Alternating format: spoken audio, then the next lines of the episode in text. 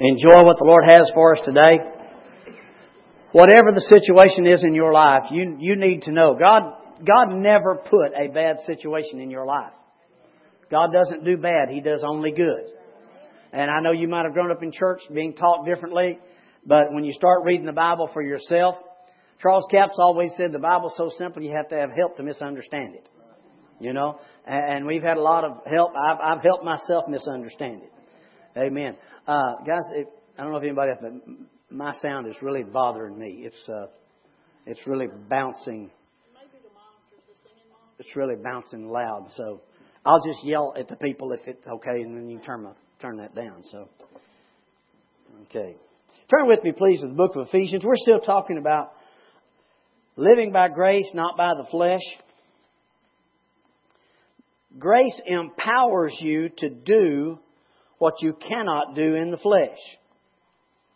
In other words, it's like in certain situations, you may have tried to overcome a habit for many, many, many, many years, and maybe you had some success at it, and some of you may have, have had great success. Maybe, maybe it's easy for you to exert self-control. Not, not everybody's that way. And uh, for the rest of us, we have to depend on Jesus. Amen. Amen. But sometimes you, you've got control of certain situations, and then all of a sudden you know, here they come back or they try to creep in. But grace teaches us to deny ungodliness. Okay?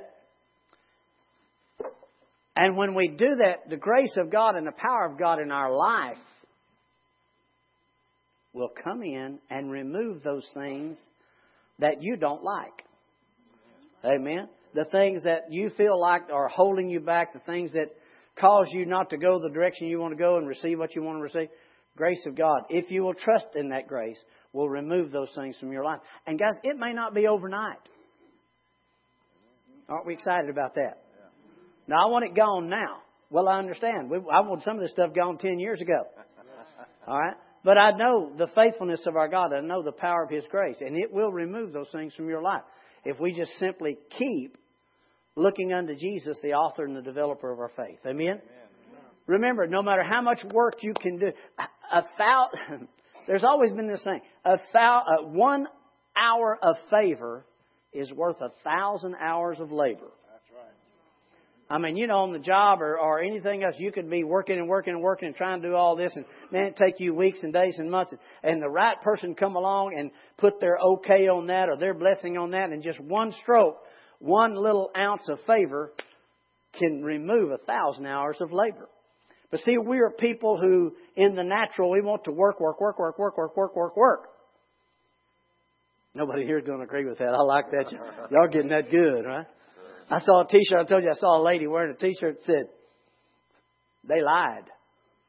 Hard work does kill people."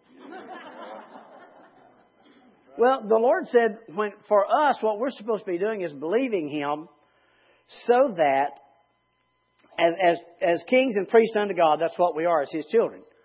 He says we're not supposed to be having anything close to us, or our method of operation, he said, should not be anything that causes sweat. In other words, the toiling and the making, trying to get God to accept you because of the good works that you've done, it'll never work. It doesn't work because He doesn't live that way. He loves you because He loves you. Even when you're a stinker, He still loves you. Amen. So, we're going to talk here about this grace. Look in the book of Ephesians, and we're using, we'll be using the King James Version and the New Living Translation this morning. And Ephesians chapter 2. Let's just use verse 4, 5, 6, and 7. Ephesians 2.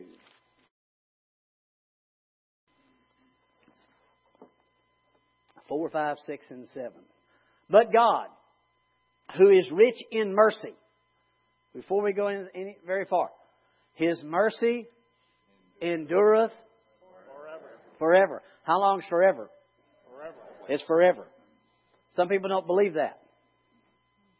His mercy endureth forever. What is His mercy? His mercy means you don't get what you deserve. That's the mercy of God. It's like when you get stopped doing 95 and a 60. You don't want to plead your case. You want to ask for mercy. Right? And if you're let go from that, then you got mercy.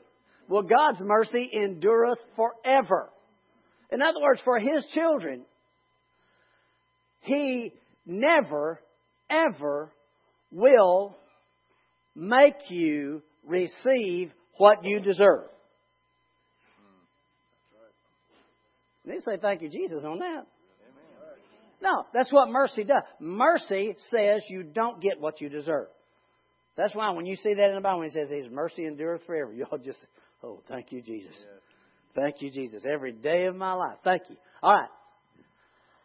With great love, wherewith He loved us, even when we were dead in sins, has quickened, that word quickens means made us alive together with Christ. By grace you are saved. And has raised us up together made us sit together in heavenly places in Christ Jesus. While you're sitting right here, you are sitting on the throne. You are seated at the right hand of the Father in the Lord Jesus Christ. Because see, there is nothing that gives you any rights, any privileges, anything else except your position in Christ Jesus. Everybody say, thank you, Lord. See, it's not your work. It's not anything else. The only thing.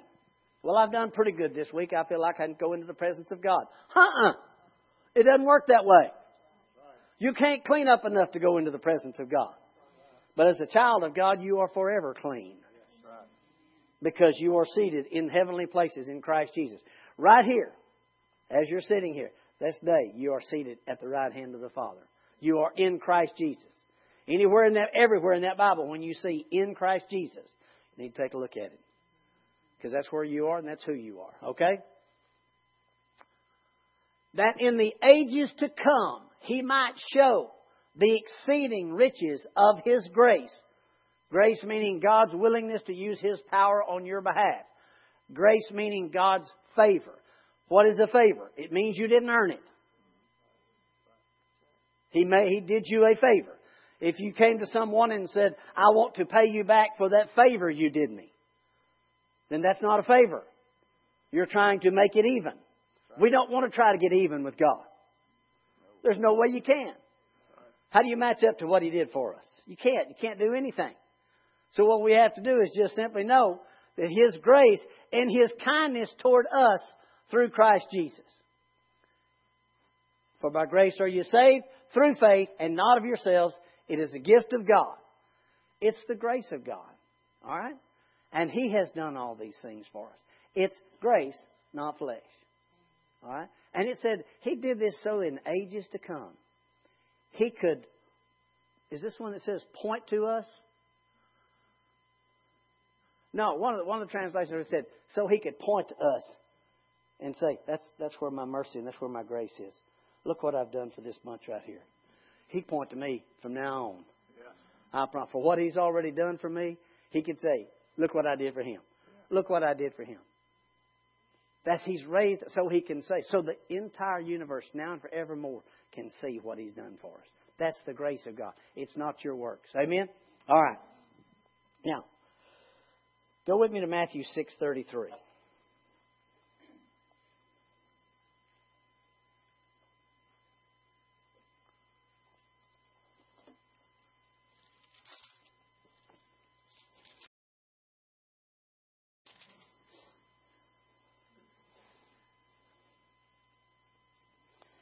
Well, we'll probably have to back up just a verse or two on that, but.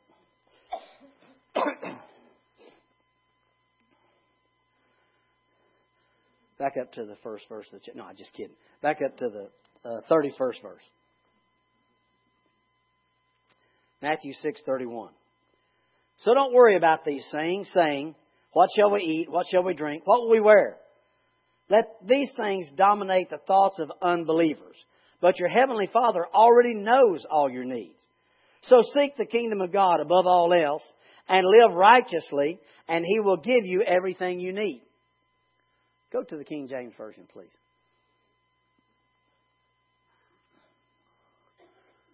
Therefore, take no thought, saying, What shall we eat? What shall we drink? What with shall we clothe? For all these things do the Gentiles seek. For your heavenly Father knows that you have need of all these things. But seek ye first the kingdom of God and his righteousness, and all these things shall be added unto you. Go back to the 32nd verse for me, please. For after all these things do the Gentiles seek. That word seek there is the word that means to labor, to toil, to sweat after. Okay? Go to the next verse. But seek ye. That word seek is the word to is to hunger and desire. Oh, y'all missed it. That first one, 32.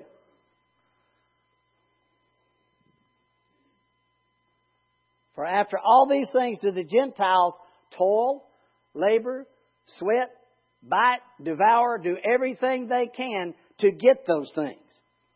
But for us, but hunger or desire, first and foremost, the kingdom of God and His righteousness.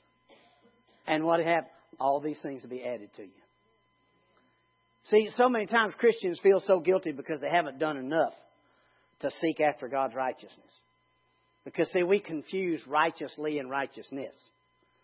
Righteously is how you live.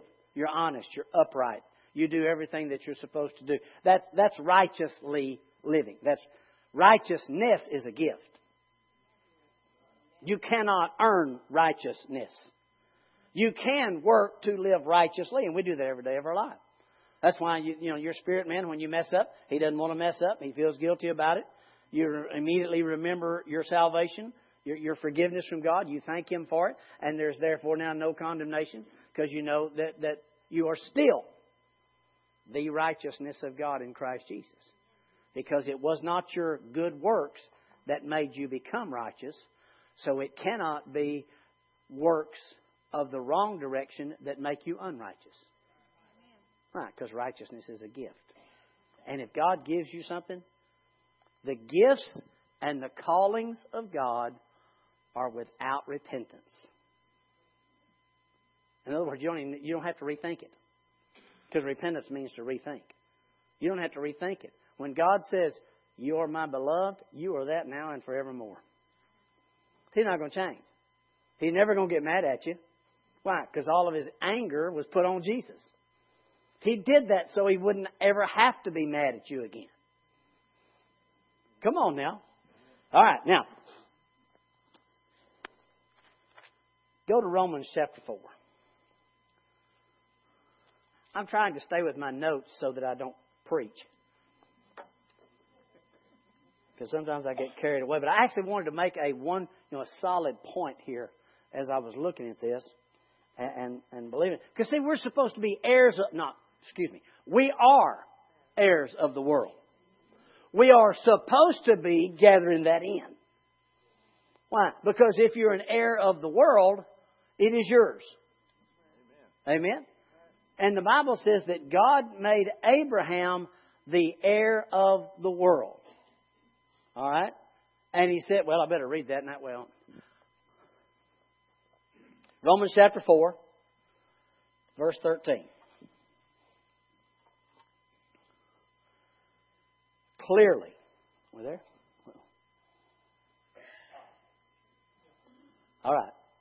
For the promise that he should be heir of the world was not to Abraham or to his seed through the law, but through the righteousness of faith.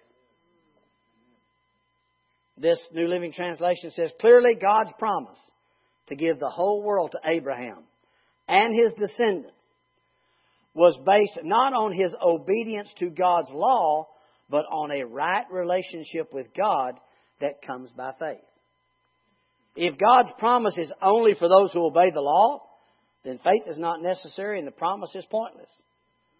For the law always brings punishment on those who try to obey it. I know we've memorized that. Some of us were so bound the other way in that that when we got a hold of this scripture right here, it changed everything for us. Because I lived, my, my, I thought for many, many years that scripture said if you break the law, basically you're under the curse. And that isn't what it says. It says if you try to live by the law, you'll be under the curse. Why? Because the just shall live by faith, not by the law. The law was only given till what?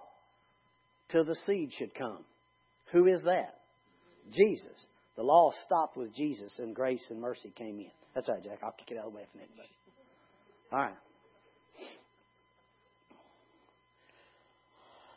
Clearly, God's promise to give the whole earth to Abraham and his descendants. Why are we the children of Abraham?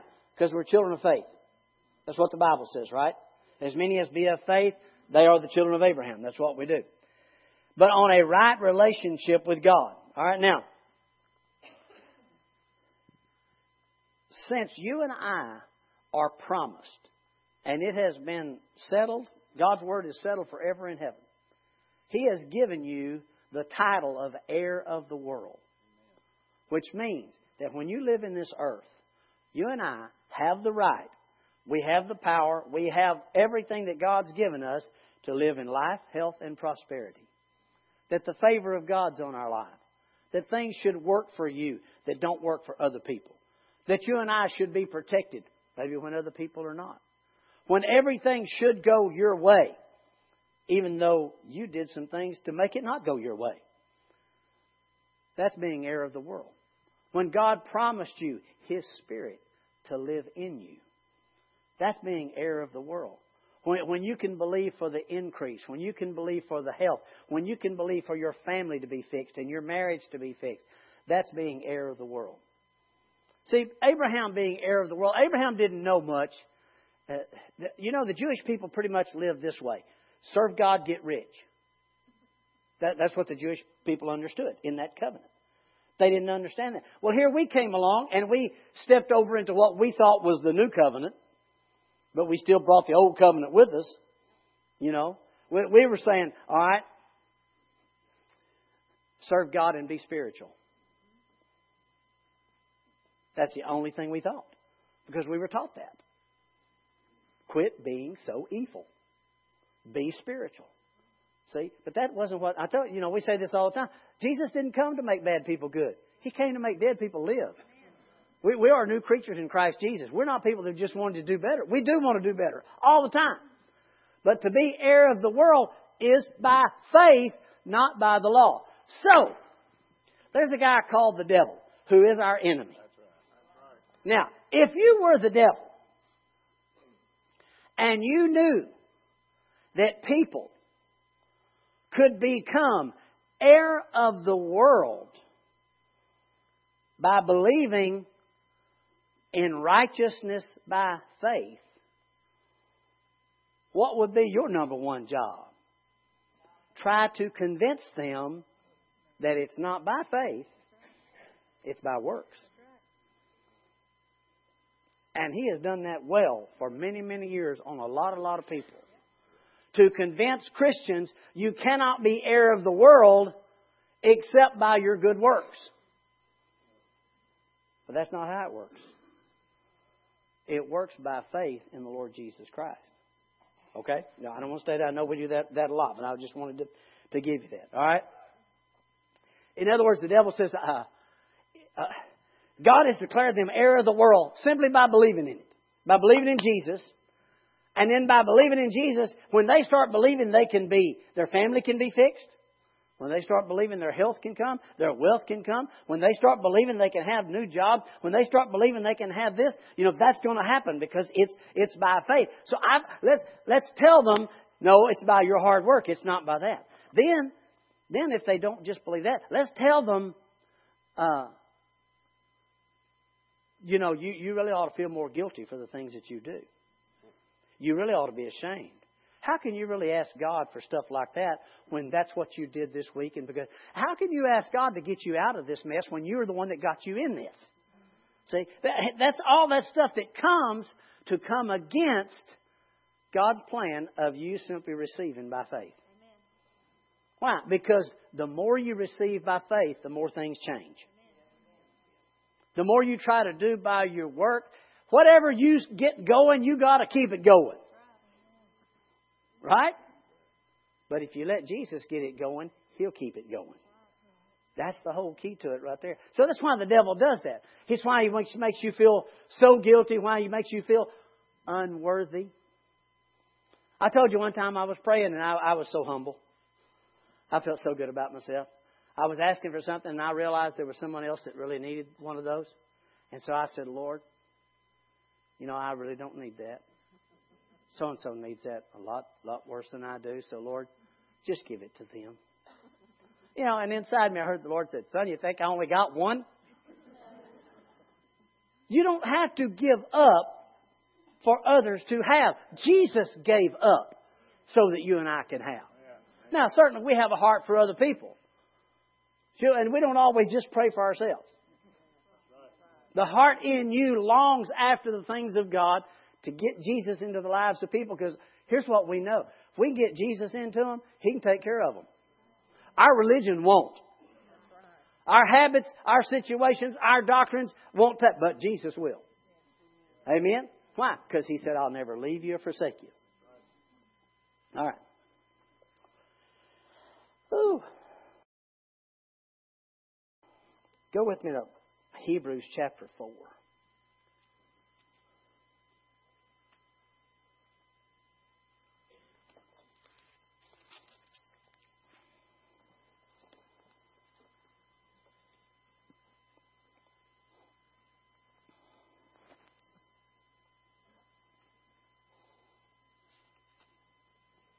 you know, one of the things that you have to remember in, in this life when it comes to being Uh, a child of God and receiving from the Lord is there is a, out in that world, and as you operate in the natural, okay? Totally, completely natural. Everybody say natural. Then in that world out there, there is no free ride. In the natural. In the natural, you don't work, you don't eat. Well,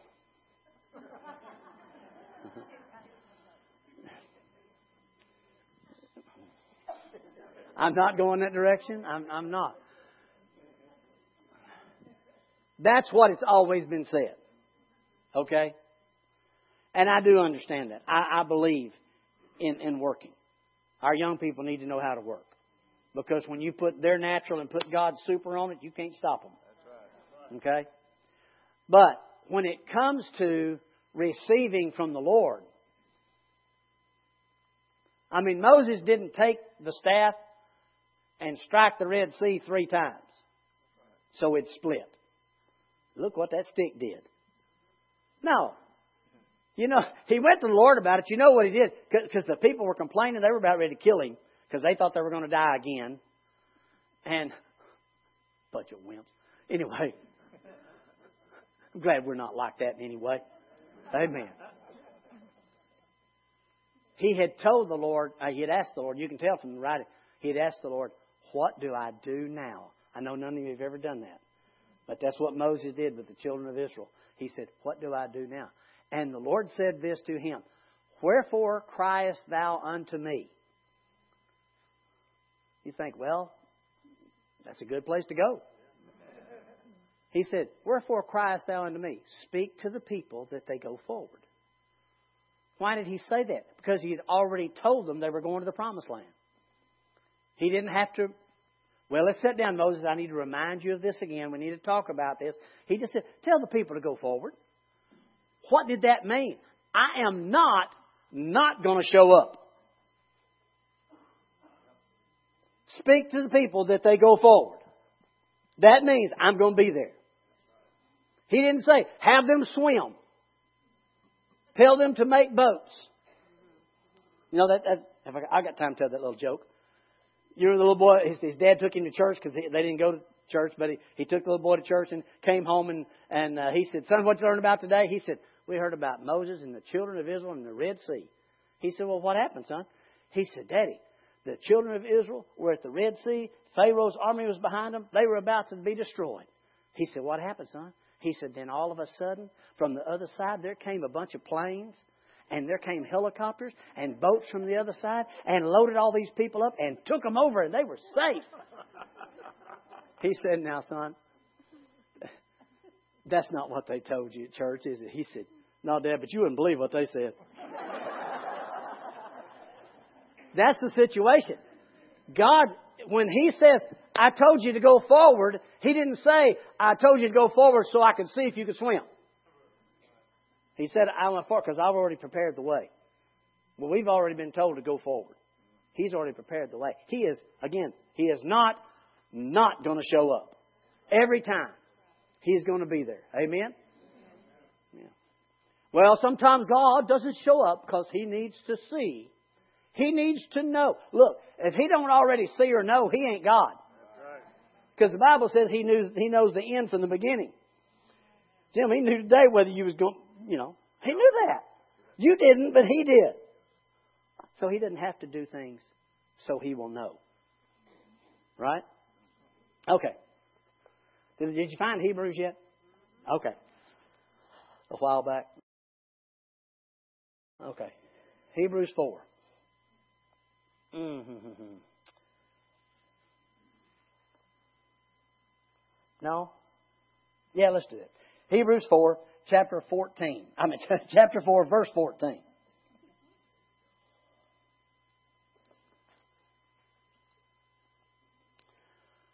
So then, since we have a great high priest who has entered heaven, Jesus the Son of God, let us hold firmly to what we believe. This high priest of ours understands our weaknesses, for he faced all the same, all the same testings. We do, yet he did not sin. Look at that. Go back to that. I want to show you the, the religious idea. If we, if, if religious people had written that next verse, it would not say what it says. Here's this verse. This high priest of ours understands our weaknesses, for he faced all the same testings we do. Yet he did not sin. And we need to be just like him. That's what we, what religion would have said if we'd have written that. So if you will be more like him, then you won't do that stuff. And until you do that stuff, you know you're not getting nothing from God. That's, you know, that's, okay. But that, thank God he, we didn't write it. He wrote it. Look here. So, because he's already done it, let us come boldly to the throne of grace. I've had people say, no, but the things I've done, I cannot come boldly to the throne of grace. And I said, well, you know why? Well, yeah, because of what I've done. I said, no, because you feel guilty about what you've done. They said, we ought to feel guilty. No, we shouldn't. Because guilt keeps you separated from God. He's not wanting you separated. It's that lie of the devil saying, you can't go in there. You can, there's no way you can, you're going to come boldly to the throne of grace the way you've acted today. Let me look on this side. They don't even look at. Yeah, that's, he'll say stuff like, what you, you think you're going to come boldly to the throne of grace? God knows what you did. Yeah, in a sense, he does. He knew it a million years ago, what I did today. And Jesus paid the price on the cross for what I did today. So I'm not coming boldly to the throne of grace because of what I've done. I'm coming boldly to the throne of grace because of what He's done. I depend more on the good He's done than on the bad I've done. If you put more faith and more looking into the bad you've done, it will run you away from Jesus instead of running to Him when He's saying there, Come unto me, all you that labor. Oh, oh uh, uh, Matthew 11 and 28 in the message translation, please.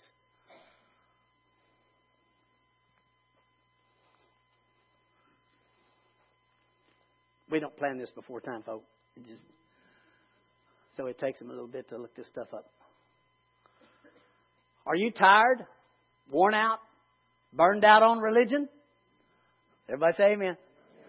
Come to me. Get away with me, and you'll recover your life. I'll show you how to take a real rest. Walk with me. Work with me. Watch how I do it. Learn the unforced rhythms of grace. I will not lay anything heavy or ill fitting on you. Now, again, I don't always look at the message translation.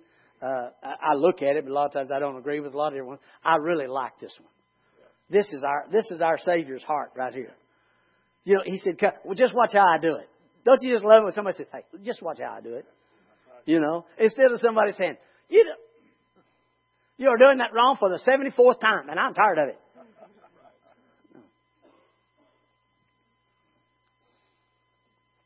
We were talking about this the other day. In coaching, you coach losers by telling them what's wrong with them. You coach champions by telling them what's right with them. Amen. So if you want somebody to rise, you, you talk to them about not what they're not doing, what they've been made. Amen.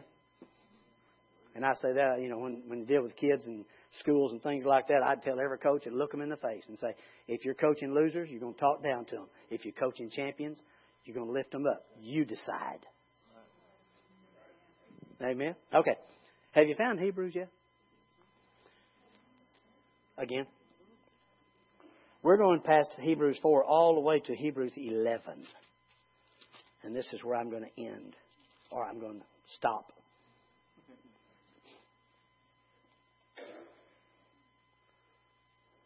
Tell you what, do this for me, please, in the King James. Hebrews 11 and 1.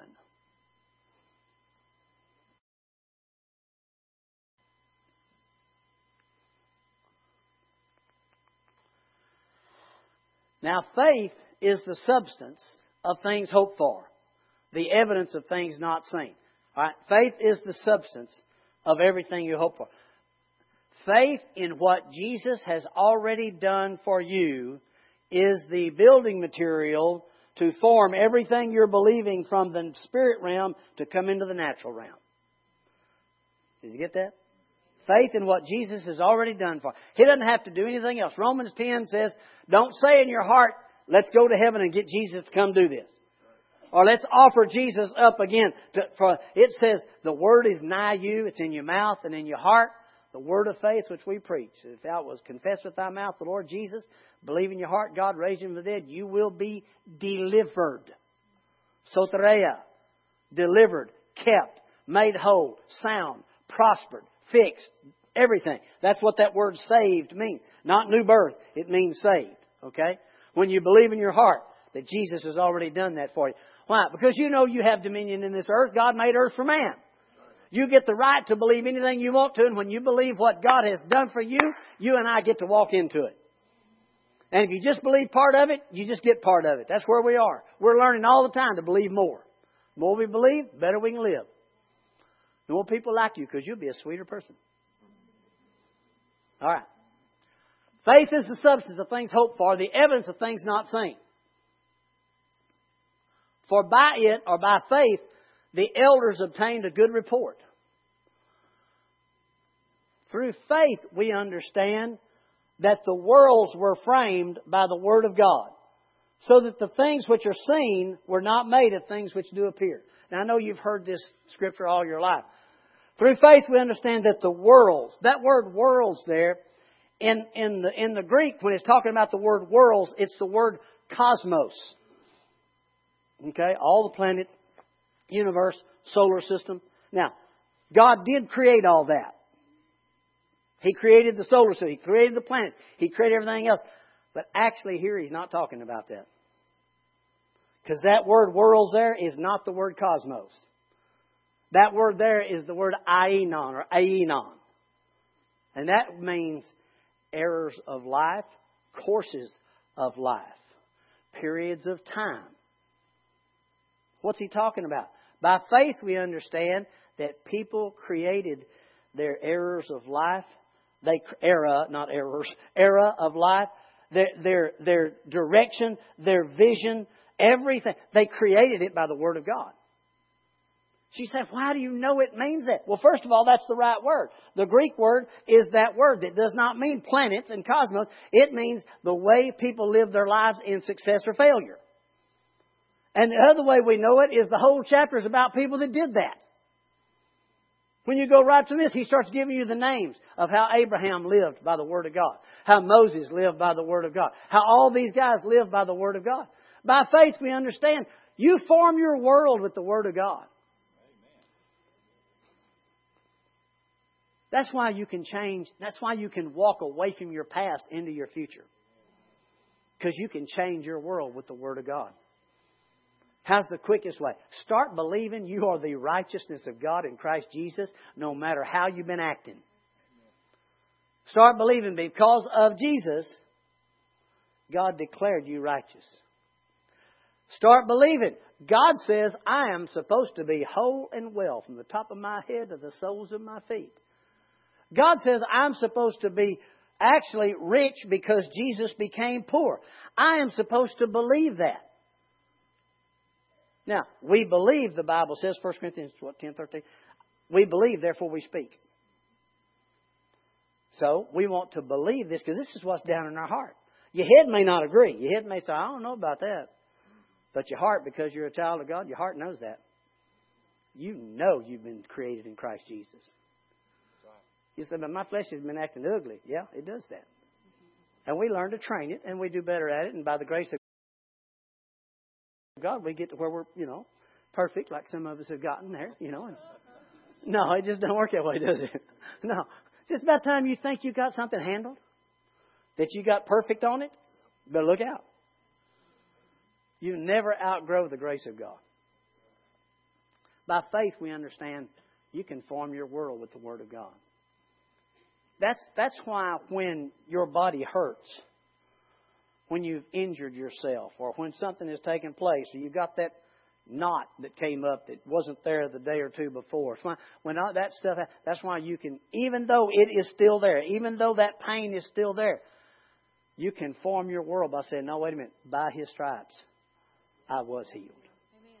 No evil befalls me, no plague comes nigh my dwelling. Amen. Why? Because I'm remembering what He told Moses to tell the children of Israel. Speak to the people that they go forward. He wouldn't have said that had he not been in front of them. He wouldn't have said that had he not prepared the way. See, by faith we understand we frame our world with the Word of God so that the things which are seen were not made of things which do appear. God calls things that be not as though they were. That's why you can call yourself well when your body says you're not, and why health will rise in you. It's why you can declare in the witty inventions and the ideas and the doors of opportunity. It's why your family, your marriage, your children, why things can be fixed because you put the Word of God on it. You Psalm 107 and 20. He sent His Word and healed us and delivered us from all of our destruction. See, that's the believing part of it. That, that's, that's what the Lord's reminding us to do. Believing produces the receiving in any area of your life, whatever God has for you, and He has He has it all for you. Okay. Oh, I'm going to stop right here, but I'm going to look at Isaiah 54. Would you please with me, and then we'll.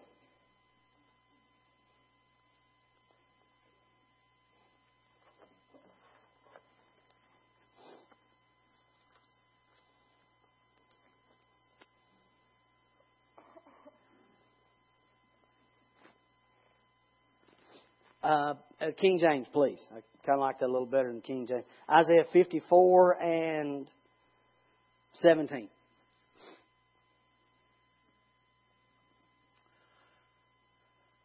Now, I know we know this well, but I'd like to see us get into the whole thing.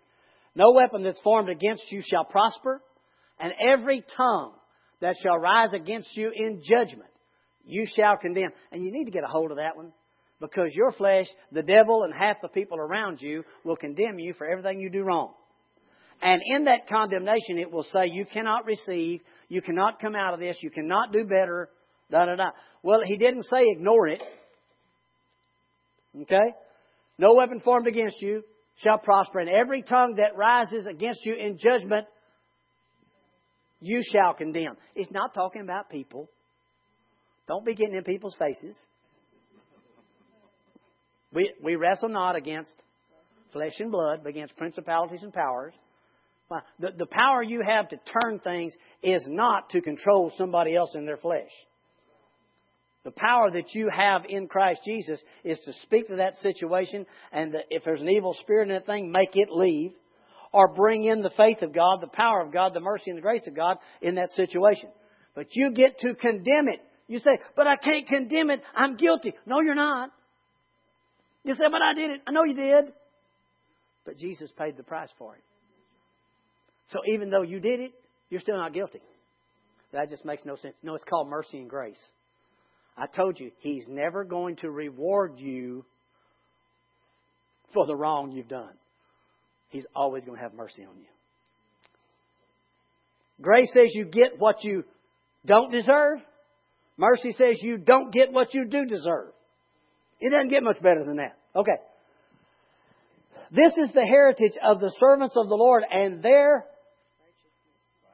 righteousness is of me, saith the Lord. Their righteousness has come from me. Their righteousness, they did not earn. They didn't put it on themselves. They didn't build it. They didn't make it. They didn't do it. Their righteousness is of me. That's why you condemn those voices uh, of the things that you've done wrong or the other. Well, how can you that? No, no, no. No, I'm not guilty. My Jesus paid the price for me. Lord, I, I thank you that I am forgiven. I am blessed. I'm thank you, Father. Thank you for getting me out of this. You know, for those of you, please don't ever think that if you got you into it, you have to get you out. That's not the Bible. From front to back, the Bible is about people getting themselves into a mess and God getting them out. He didn't have you born again for you to start over. Oh, now you're on on your own, little one. Do better this time. No. It's in Him we live and move and have our being. Amen. You are blessed, highly favored, and deeply loved. Without a doubt. You are, because of Jesus Christ, you are the righteousness of God in Christ Jesus. Now, here's the test. Everybody say it with me. I am the righteousness of God in Christ Jesus. Not because of what I've done, but because of what He's done. You have to have that. You have to. Why? Because righteousness lets you come boldly to the throne of grace to obtain mercy and find grace to help in time of need. Amen. Why did all this happen? Because your God loves you. He thinks you're special. And not like some people say you're special. He really thinks you're special. Amen. That's the God that you serve. He is always on your side. He will never turn his back on you. He, he said, The covenant of my peace will I not remove. That goes against what a lot of people say. Well, God's only going to put up with you so long. No, He said, I'll never leave you, forsake you. See, law cannot match the grace of God. That law was instituted to show people how bad they were. But grace was instituted to show people how good God is. And that's how much He loves us. Amen? Would you bow your heads with me, please?